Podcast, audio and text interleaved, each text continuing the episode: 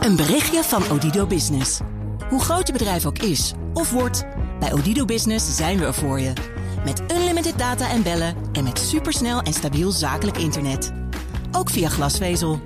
Ontdek wat er allemaal kan op odido.nl/slash business. Het kan ook zo. Studio Den Haag. Ja, NSC wil een nieuwe informateur. Niet meer, niet langer Ronald Plasterk, hoorden we al. En volgens Pieter Omtzigt zijn de gesprekken over de rechtsstaat... nog helemaal niet afgerond aan die onderhandelingstafel. Nou, uh, Leonard Beekman praat ons zo bij. En ook het feit dat Omtzigt in dit stadium is weggelopen van de onderhandelingstafel... Uh, doet veel wenkbrauwen fronzen. Je moet dat zien als een brevet van onvermogen. En met Pieter Omtzigt kun je geen zaken doen. Dat zijn de scherpe woorden van Mark Thiessen, campagnestratege. En in het verleden was hij dat voor de VVD. Hij ziet zichzelf als een centrumrechtse liberaal in het hele politieke spectrum.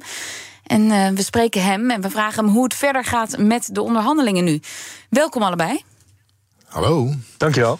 Mark, hoe kwam dat allemaal op jou over de afgelopen, nou wat zou ik zeggen, 24 uur? Um, het, is, het, het, is nog steeds uh, bezig. Hè? Ik hoorde net ook bij jullie dat er weer uh, allemaal nieuwe informatie binnenkomt. Dus ja. het is net alsof je het nieuws aan het duiden bent, terwijl het eigenlijk zich aan het ontwikkelen is. Ja, dat is BNR, hè? dat is BNR, ja, dat is ook misschien de huidige politiek misschien wel.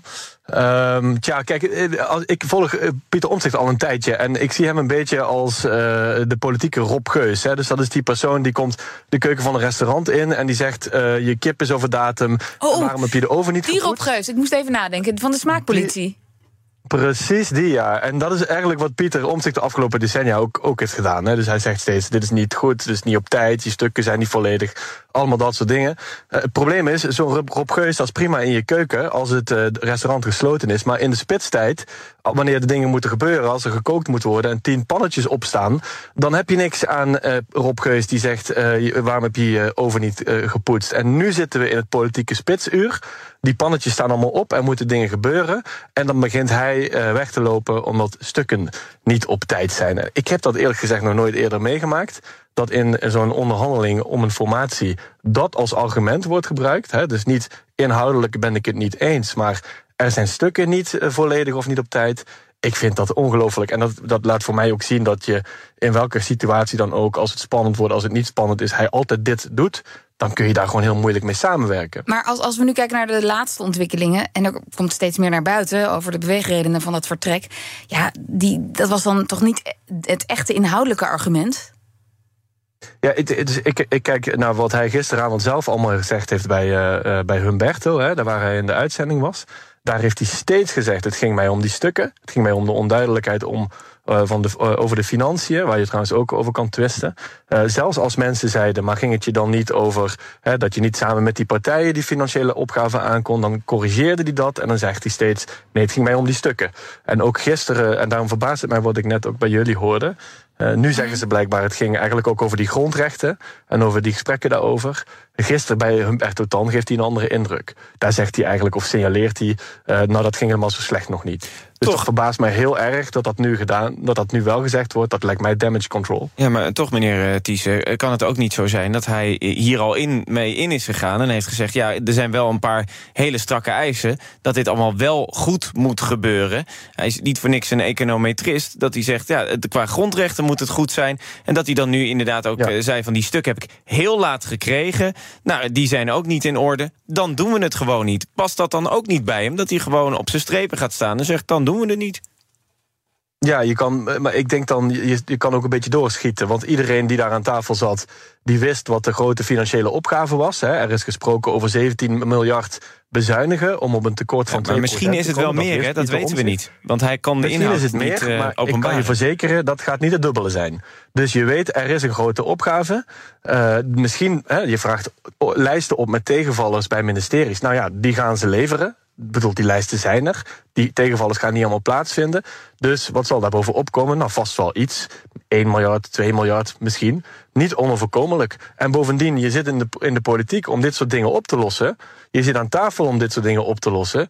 En niet om weg te lopen op het moment dat blijkt dat het toch wat ingewikkelder was dan je dacht. Ik vind dat echt vreemd. In dat, uh, in dat licht, was jij verbaasd dat het dan op financiën stuk zou zijn gelopen? Nou, gisteravond in eerste instantie niet. Want we zagen ook een brief. Uh, de brief is gestuurd naar de leden van NSC. Met een uitleg daarin. En daarin stond eigenlijk. Ja, we kunnen geen valse beloftes doen. Er is weinig geld op dit moment uh, om uit te geven. Sterker nog, er is, er is minder geld dan dat we in eerste instantie dachten. En we moeten al. Er moet al 17 miljard linksom of rechtsom moet er, geschaafd worden aan de begroting. En ik vond het dus eigenlijk helemaal niet zo'n gek verhaal. Want op het moment dat je met elkaar aan tafel zit en je komt erachter van, nou, en die zit met verschillende partijen. VVD, NSC willen zich aan Europese begrotingsregels houden. Nou, PVV heeft daar helemaal niets mee. En BBB staat er ook veel losser in die overheidsfinanciën. Hmm. En als je dan in een heel vroeg stadium de, erachter komt... ja, we kunnen elkaar echt niet vinden. Wij willen de Europese begrotingsregels vasthouden... en we zitten met een partij die daar helemaal niets mee heeft. In een debat zei eh, PVV ooit... we hebben geen financieel anker. We hebben geen visie op, op financiën. Nou, dan kan het heel lastig worden. Dus in eerste instantie begreep ik het. Maar toen begon de uitzending van Humberto. En toen was bij mij alle logica verdwenen ook uh, als sneeuw voor de zon. Wat gebeurde er dan bij jou?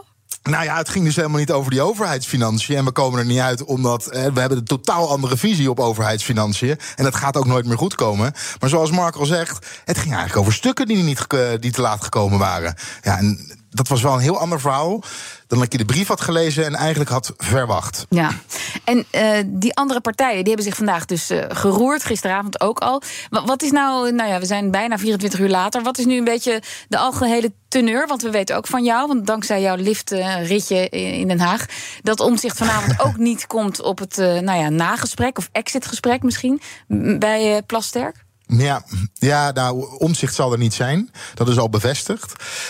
Uh, dus ja, ze gaan met elkaar aan tafel zitten met de vraag: um, ja, hoe nu verder? En Plasterk zal zijn, uh, zijn rapport moeten schrijven en er komt een debat over. En Timmermans zei net al, want daar hebben we ook een gesprekje mee gehad. Daar mochten we ook uh, langskomen om wat vragen te stellen. Het initiatief blijft bij de PVV liggen. Het is de grootste partij. Ze hebben het niet serieus genomen, genoeg genomen, zei Timmermans hè, de afgelopen periode. Maar het is niet aan ons. De PVV zal nog steeds het initiatief uh, moeten nemen. En ze zullen ook met een voorstel moeten komen volgende week van hoe nu verder. Ja, en Geert Wilders was uh, wat nou geërgerd. Ja, dat ging over de overheidsfinanciën. Hij zei, daar mag het eigenlijk gewoon niet mis op gaan op dit moment. Ja, de financiën kan het toch eigenlijk niet zijn, want ja, daar kan je vragen over stellen. Ook zeer terecht dat hij die vragen heeft gesteld. Um, maar daar kan je um, um, op doorgaan, uh, met elkaar over praten. Ook in deze of in een volgende ronde besluiten over nemen, zoals dat uh, hoort. Maar om dan het hazenpad te kiezen en eigenlijk de deur open te zetten voor... het zal toch niet gebeuren, de heer Timmermans. Ik denk dat dat niet in het landsbelang is. Nee, nou goed, de deur is weer dichtgeslagen door Timmermans. Geert Wilders kan wat, uh, wat op, op, dat punt nog rustig gaan slapen. Want Timmermans uh, mm. wil het voorlopig in ieder geval niet. Uh, Mark Thiessen, je bent campagnestratege. In het verleden was je dat ook voor jouw partij VVD toen. Um, wat, wat zou je de VVD eigenlijk adviseren nu? In dit geval, um, ja, ik hoorde net ook dat uh, het NSC uh, eisen aan het stellen is over wie de informateur wel niet moet zijn. Nou, ik denk dat zij niet in de positie zijn om eisen te stellen. En als ik een andere politiek leider was, bijvoorbeeld uh, mevrouw Jesilgus ik zou niet met hun aan tafel willen. Ik, vind, ik zou dit veel te ah. stabiel vinden. Als je kijkt naar zo'n onderhandeling, dat gaat over inhoud, dat gaat over vertrouwen, al die dingen.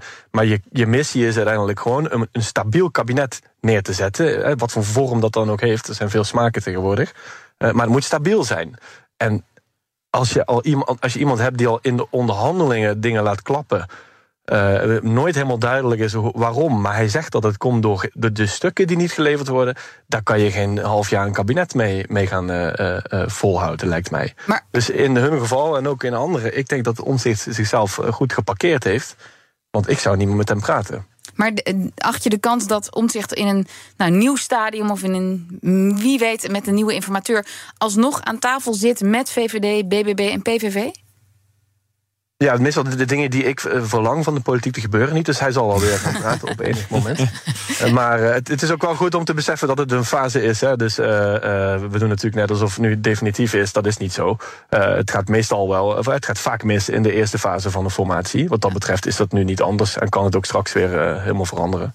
En Leendert, maandag moet, ja, hoe, hoe, hoe het allemaal nog loopt de komende dagen, moet Ronald Plasterk toch dat verslag over zijn afgelopen gesprekken de afgelopen weken bij de Kamer inleveren. Maar hoe gaat het dan verder? Welke scenario's liggen er? Ja, er liggen, nou in ieder geval moet eerst dat, de, dat debat nog gevoerd worden. Maar er liggen heel veel scenario's klaar. Maar het meest logische is dat er nu in eerste instantie nog. Er komt een nieuwe informatieronde. En dan wordt er weer gekeken.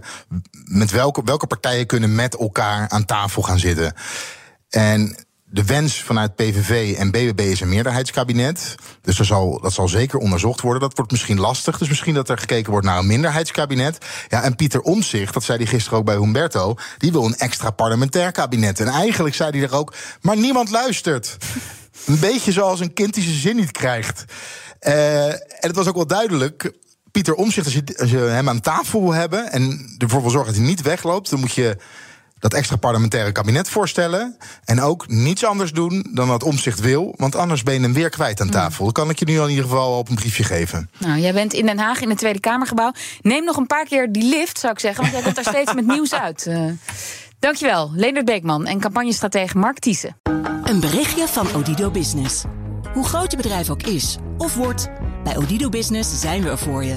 Met unlimited data en bellen en met supersnel en stabiel zakelijk internet ook via glasvezel. Ontdek wat er allemaal kan op odido.nl/slash business. Het kan ook zo.